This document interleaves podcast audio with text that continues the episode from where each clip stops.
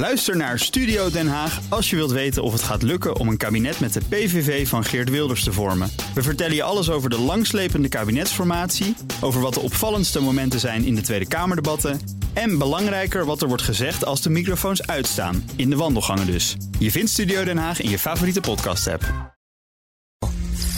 Economenpanel. Het beteugelen van de torenhoge inflatie gaat pijn doen volgens Jay Powell. En zullen de historische hoge prijzen leiden tot een productiestop bij bedrijven? En moet de overheid ingrijpen? Dat en meer bespreek ik in het Economenpanel. En daarin zitten Hans Tegeman, Head of Research and Investment Strategy bij Triodos... en Lucas Daalder, Chief Investment Strategist bij BlackRock. Welkom heren.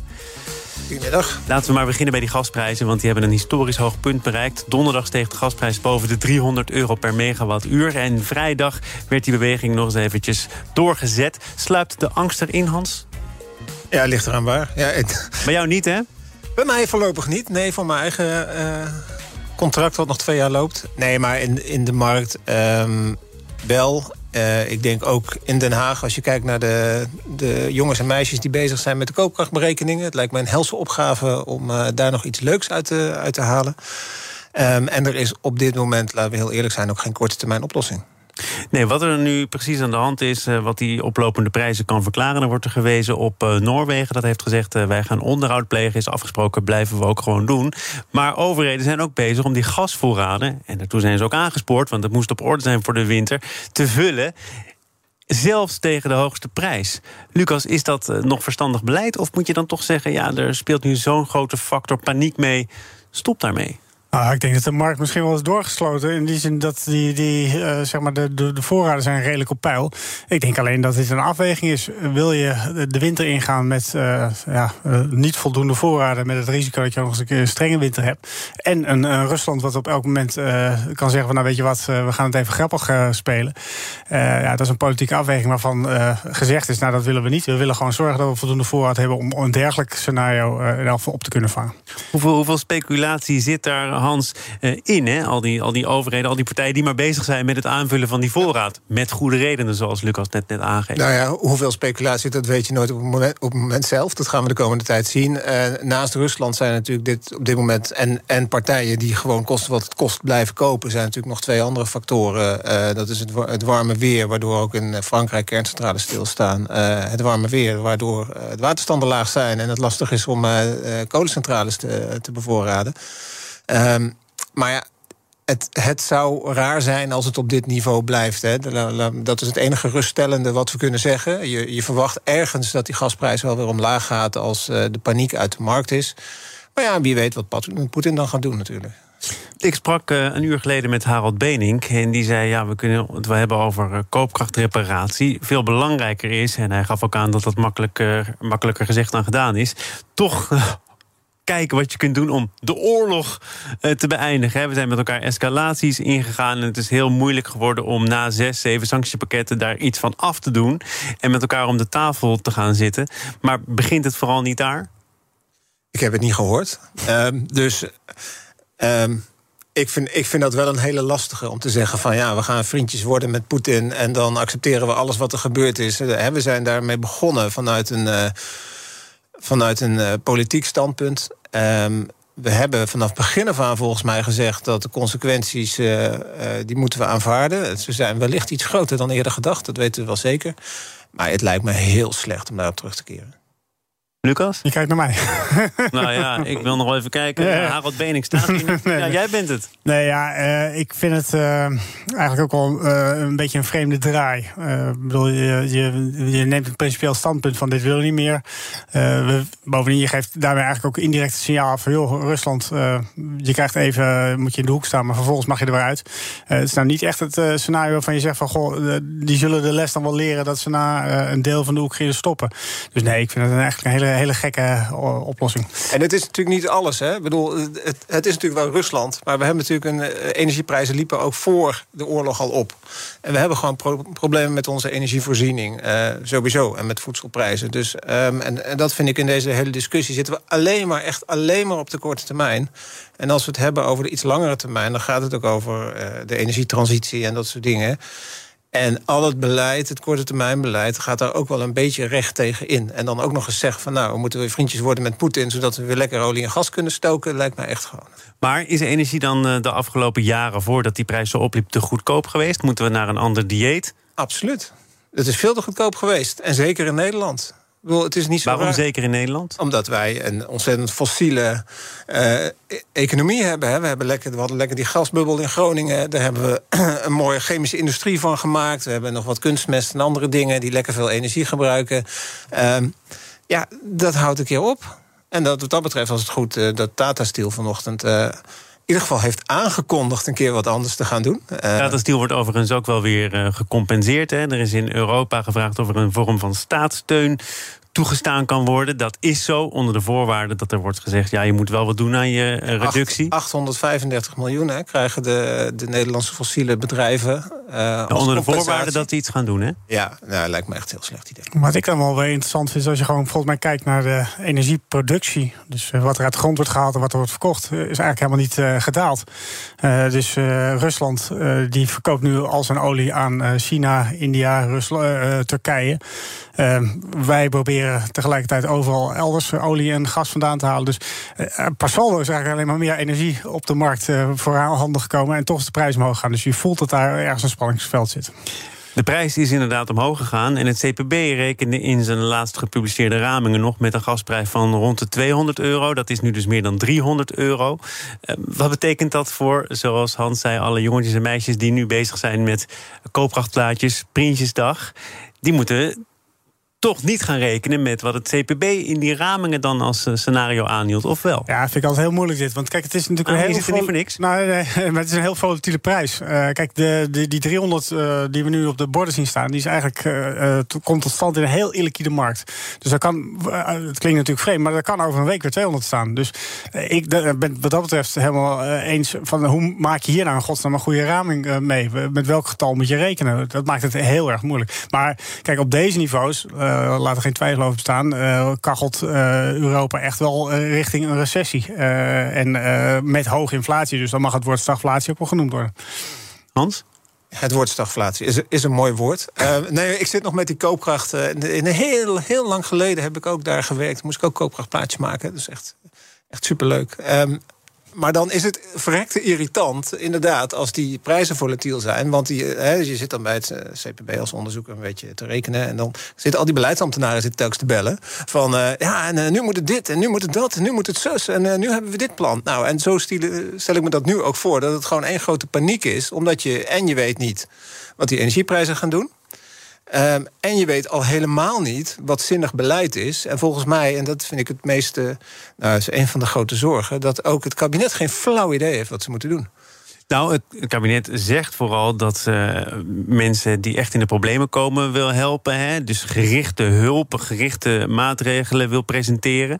Uh, zegt ook dat sommige dingen niet kunnen. Zeker niet in een, een, lopend begrotingsjaar. Maar is het nou zo dat dat niet kan? Of dat het kabinet ook uh, min of meer zegt: ja, maar we willen het ook niet, want we kunnen niet iedereen compenseren? Nou, dat ze niet iedereen kunnen compenseren, dat lijkt me glashelder. Uh, en ik denk ook zelfs dat, die, dat je dat ook helemaal niet moet willen. Dat moet je ook helemaal niet uitstralen. Uh, dat je misschien aan de onderkant wat meer zou kunnen doen. Hè? Dus het idee van iedereen die een zorgtoeslag of een huurtoeslag heeft... om die ook te gaan compenseren. Ja, misschien zijn er wel mogelijkheden. Maar uh, de Belastingdienst blinkt nou ook de laatste jaren niet uit... in het snel uitvoeren van dingen. Dus ik snap ook best wel dat je daar politiek een voorbehoud maakt. Want je moet het dan wel waar kunnen maken. Maar als je zegt uh, bijvoorbeeld, we doen iets met die huurtoeslag of de zorgtoeslag, Bas Jacobs pleitte daar vorige week voor in dit panel. Klinkt dat misschien niet als iets wat rocket science is, toch? Nee. Ook al wil het kabinet van de toeslagen af? Ja, het compenseren van de kindertoeslagen lijkt mij ook geen uh, rocket science. En we zijn volgens mij ook al een paar jaar verder. En volgens mij zit daar het politieke probleem. Van ze durven volgens mij ook niks te beloven. Wat voor ons misschien heel simpel lijkt. Lucas, jij bent uh, ook niet van de school. Uh, spreid het vangnet maar weer. Nou, nee, zeker niet. Je kan het absoluut uh, niet compenseren wat er nu gebeurt. en ja, als een beetje econoom vind je ook dat dit een ontwikkeling is waar ja, de, de, economie zelf mee moet handelen. Ik, ik, snap best dat je een vangnet hebt en dat je dus inderdaad de, de, de meest kwetsbaar door de winter heen helpt. Maar het moet niet zo zijn dat wij als overheid overal maar gaan compenseren. Maar als een energierekening oploopt van 200 naar 600 euro, wie is dan de meest kwetsbare? Zijn er niet heel veel mensen aan het woord? dat, dat is natuurlijk de, de, de grote vraag. volgens mij, als je dit panel met z'n drie al bekijkt, wat nou precies de kosten zijn, denk ik dat het al heel erg uit elkaar loopt. Dus nog even los van wat ons inkomen doet, maar zeg maar onze kosten. Omdat er iemand een tweejarig contract heeft, iemand anders, dat ben ik, 17 graden wel lekker vindt. En van jou weet ik het eigenlijk niet. Maar als wij met z'n drieën al totaal verschillende uitkomsten hebben, ja, succes om dan precies maatwerk te gaan leveren, dat gaat nooit lukken. Ja, maar laten we ook niet vergeten waarom Nederland een groter probleem heeft dan in sommige andere landen. Is wel omdat wij in de afgelopen jaren alles hebben geliberaliseerd. Hè? Dus wij leggen ook wel heel die markt en die, en die, die volatiele markt nu op het, op het koopkrachtplaatje neer. Uh, ja, daar, daar doe je op dit moment ook niks meer aan. Maar het is wel een gevolg van, van decennia lang beleid. Dat we dit het meest efficiënt vonden. Nou, en, wat, en hoe zou de situatie zijn als je het niet had uh, geliberaliseerd? Nou, kijk, kijk, naar Frankrijk. Dan heb je toch een, eh, meer mogelijkheden als overheid. Hè, dan hoef je niet allemaal te repareren in inkomenssfeer. Maar ja, dan kan je makkelijker. Hè, er zijn ook mensen die heel veel winst te maken nu. Bedrijven die heel veel winst. Dan is het makkelijker om als overheid daar wat aan te doen. En, en had een, een prijsplafond, want dat is wel voorgesteld, onder andere door vakbonden. Had dat dan veel uitgemaakt? Want dan heb je nog altijd die geliberaliseerde markt van de afgelopen decennia. Maar dan zou je nu kunnen zeggen. Maar daar zetten we een. Ja, ben je dus nu te laat mee. Dat, dat, is, dat is het hele punt. Dat kan je niet, nu niet terugdraaien. Maar je verlegt het probleem. Want het wordt dan niet de consument die de rekening betaalt... maar de, ja, de, de tussenleverancier die opeens met het probleem wordt geconfronteerd. Dus het is ook niet een ideale oplossing. Het is uiteindelijk toch een kostenpost die ergens genomen moet worden. We gaan naar eh, Jackson Hole. BNR Nieuwsradio. Zaken doen. Thomas van Zeil. Te gast is het economenpanel, gevormd door Hans Tegeman en Lucas Daalder. De jaarlijkse Jackson Hole-conferentie, waar centrale bankiers, beleidsmakers en academici van over de hele wereld zich verenigen, vond eind vorige week plaats in de Verenigde Staten. En Fed-president Powell greep de gelegenheid aan om te zeggen dat de Amerikaanse centrale bank de rente zal blijven verhogen. Er is nog geen sprake van het verruimen van het beleid. Terwijl toch de dagen voorafgaand aan die toespraak ook verschillende analisten, economen zeiden: Nou zou kunnen meevallen. Misschien dat hij toch een wat minder strenge toon aanslaat. En toen dit, Lucas. Ja, nou goed, eh, de, de, meeste commentaren die ik gelezen heb, eh, die zeggen allemaal van ja, dit was precies wat we verwacht hadden. En die zijn helemaal verbaasd over dat vervolgens financiële markten in vuur en vlam waren. Uh, er hing toch wel een soort hoop boven de markt. En die hoop is nu even weggevaagd. Overigens vind ik, was er heel veel aandacht voor Powell. maar is Jackson Hole echt gewoon een tweedaagse conferentie met allerlei studies en andere speeches. En ik vond met name de speech van Isabel Snabel veel interessanter dan die van Powell. Zij is bestuurder bij de ECB. Ja, en die ging veel meer in over ja, de langdurige effecten. Kijk, bij, bij Paul ligt natuurlijk toch altijd een beetje de nadruk op de eerstvolgende FOMC-meeting. Of dat nou 50 of 75 basispunten wordt, iets van die geest. En zij nam echt gewoon een stap terug en had het veel meer over ja, de komende. Het had over de Great Volatility. Uh, dat is een, een verwijzing naar uh, de jaren 80, 90 hebben we 90, nou, 90 en 2000 hebben we de, de Great Moderation gehad. Lage volatiliteit in uh, groei- en inflatiecijfers. En zij heeft het nu over de Great Volatility als een soort van keer keerzijde daarvan dat we veel meer juist volatiliteit gaan krijgen. En wat voor consequenties dat kan gaan hebben. En uh, korte samenvatting, wat kan het voor consequenties hebben? Nou, die zijn best, best stevig, zou ik zeggen. In die zin, als je, als je naar die speech uh, kijkt en uh, de tekst doorleest, ja, dan word je niet heel erg vrolijk van. meer volatiliteit betekent uiteraard natuurlijk ook veel meer onrust. Onzekerheid, je kan veel minder goed plannen. Ik denk dat het voor financiële markt ook behoorlijke impact zal hebben. En ook voor, voor centrale bankiers. Ja, hoe volatieler de markt is, of hoe volatieler de macrodata waar je mee moet werken, hoe moeilijker het is om goed beleid te voeren. Uh, dus eigenlijk is het wel een soort van: uh, jongens, uh, you ain't seen nothing yet speech. Wat heb jij eruit gepikt? Of heb jij je toch ook vooral beperkt tot Powell? Nee, nee, ik had inderdaad ik had Snabel staan. En, en, en ook haar sacrifice ratio. Hè, van, ja. van hoeveel moeten we hiervoor opofferen... Om, om het weer een beetje rustiger allemaal te krijgen. En ik had ook wel een beetje het gevoel... Uh, hetzelfde in de afgelopen tien jaar, waar centrale bankiers toch vaak zeiden: jongens, we kunnen niet alleen in dit geval de inflatie omhoog brengen. Uh, en alleen maar het rentewapen gebruiken en, en monetair beleid om uh, de eurozone bijvoorbeeld bij elkaar te houden. Was dit eigenlijk ook weer hetzelfde? Hè? Van ook die, die volatiliteit dempen is niet alleen een opdracht voor centrale bankiers, maar is ook voor begrotingsbeleid en, en, en andere vormen van beleid om dat voor elkaar te krijgen. En, maar dat is toch altijd al zo geweest dan? Dat, ja, maar wat centrale bankiers toch elke keer merken... is dat er vooral heel erg naar hen wordt gekeken... omdat zij sneller eh, op bepaalde dingen in markt kunnen reageren. En op lange termijn is dat geen, geen oplossing. En ik moet dan ook nog wel denken, dat is niet wat Snabel zei... maar wat er voor mij, en dat zei ik net ook al voor een deel achter ligt... van oké, we hebben nu, we hebben nu energieinflatie, grondstoffen en, en, en, en voedsel. Uiteindelijk liggen hier ook een verbouwing van onze samenleving achter. En dat is dat we dat veel duurzamer gaan doen. En dat is een lange termijn agenda. Ligt zeker niet bij centrale bankiers. Maar die hebben natuurlijk wel te maken met hoe ga je op dit moment met inflatie om. Maar hebben centrale bankiers dan uh, politiek bedreven omdat zij nu eenmaal sneller kunnen handelen en ook in die positie zijn gedwongen door beleidsmakers, politici die dit eigenlijk hadden moeten doen? Nou, nu nog niet. Uh, maar het punt is natuurlijk dat als je nu inderdaad uh, die rente zo snel mogelijk omhoog gaat, uh, gaat jagen, het wordt, en dat, daar hebben we het net ook over gehad, het wordt meteen politiek wat de consequenties zijn. En de, de, of de, de begrotings, de budgettaire beleidsmakers, gewoon de politici, die moeten daar wel ook goed mee omgaan, anders dan, dan gaat dat niet werken. Ah, Powell heeft volgens mij in die acht minuten die die speech uiteindelijk duurde, wel gezegd. Uh, als wij de rente verhogen, dan is het maar zeer de vraag of je daarmee ook dan echt de inflatie naar beneden kunt brengen. Want het zit helemaal niet aan de vraagkant, het zit aan de aanbodkant. Ja, nee, dat is een terugkerend thema.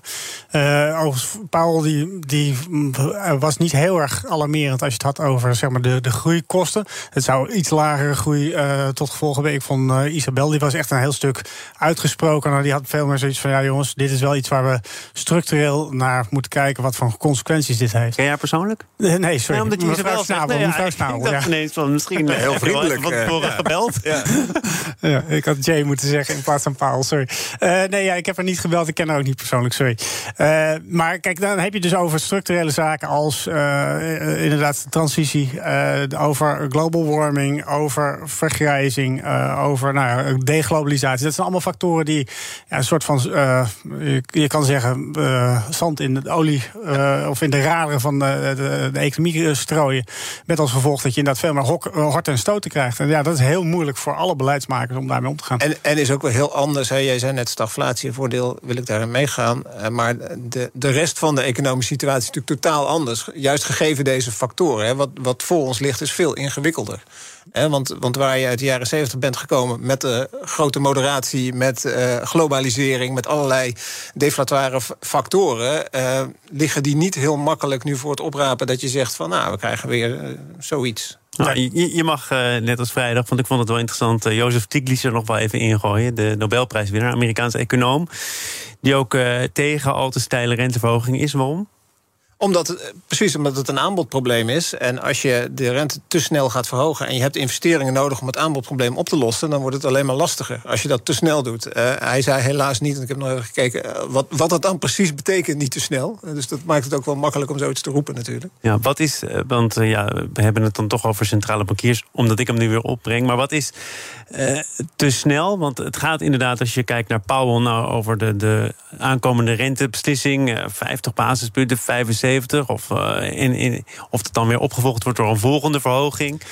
Ja, nou, ik moet eerlijk toegeven dat ik daar altijd zelf uh, enigszins ja, uh, mismoedig van word als ik naar dat, uh, de commentaren daar kijk. Er wordt altijd gesproken over R-star, dus een evenwichtsrente waarop alles neutraal zou zijn.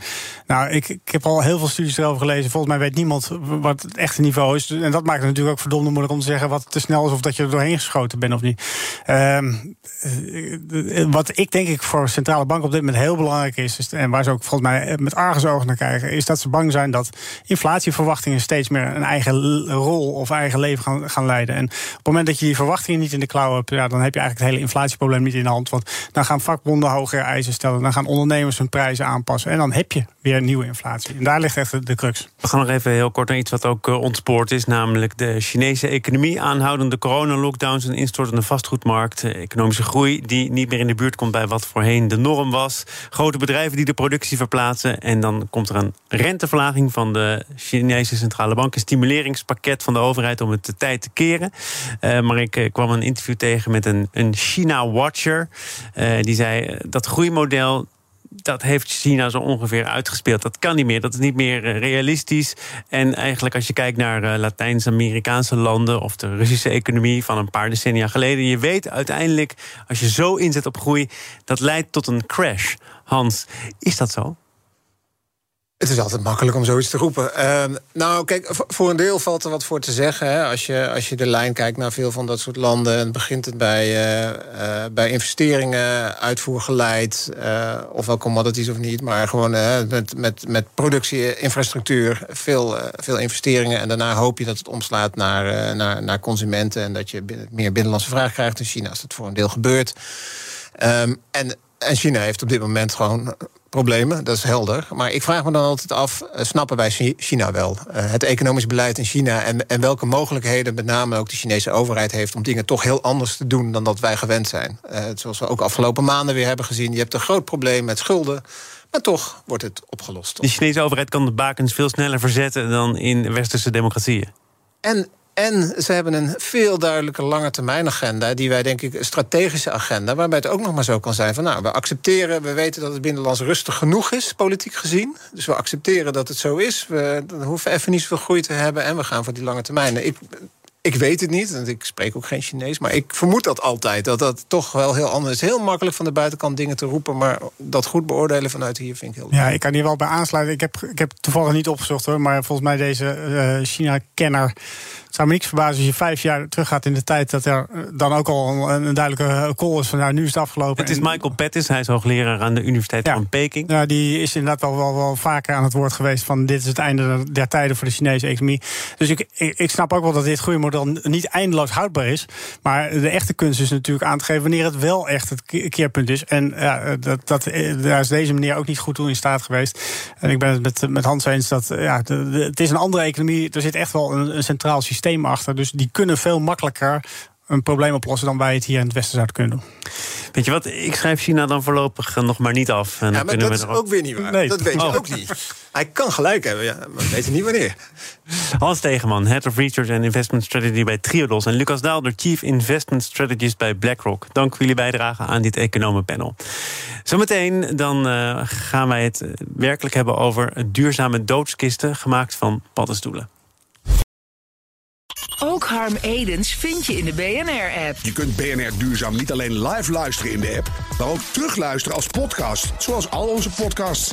En naast dat de BNR-app Breaking News meldt, houden we je ook op de hoogte van het laatste zakelijke nieuws. Download nu de gratis BNR-app en blijf scherp.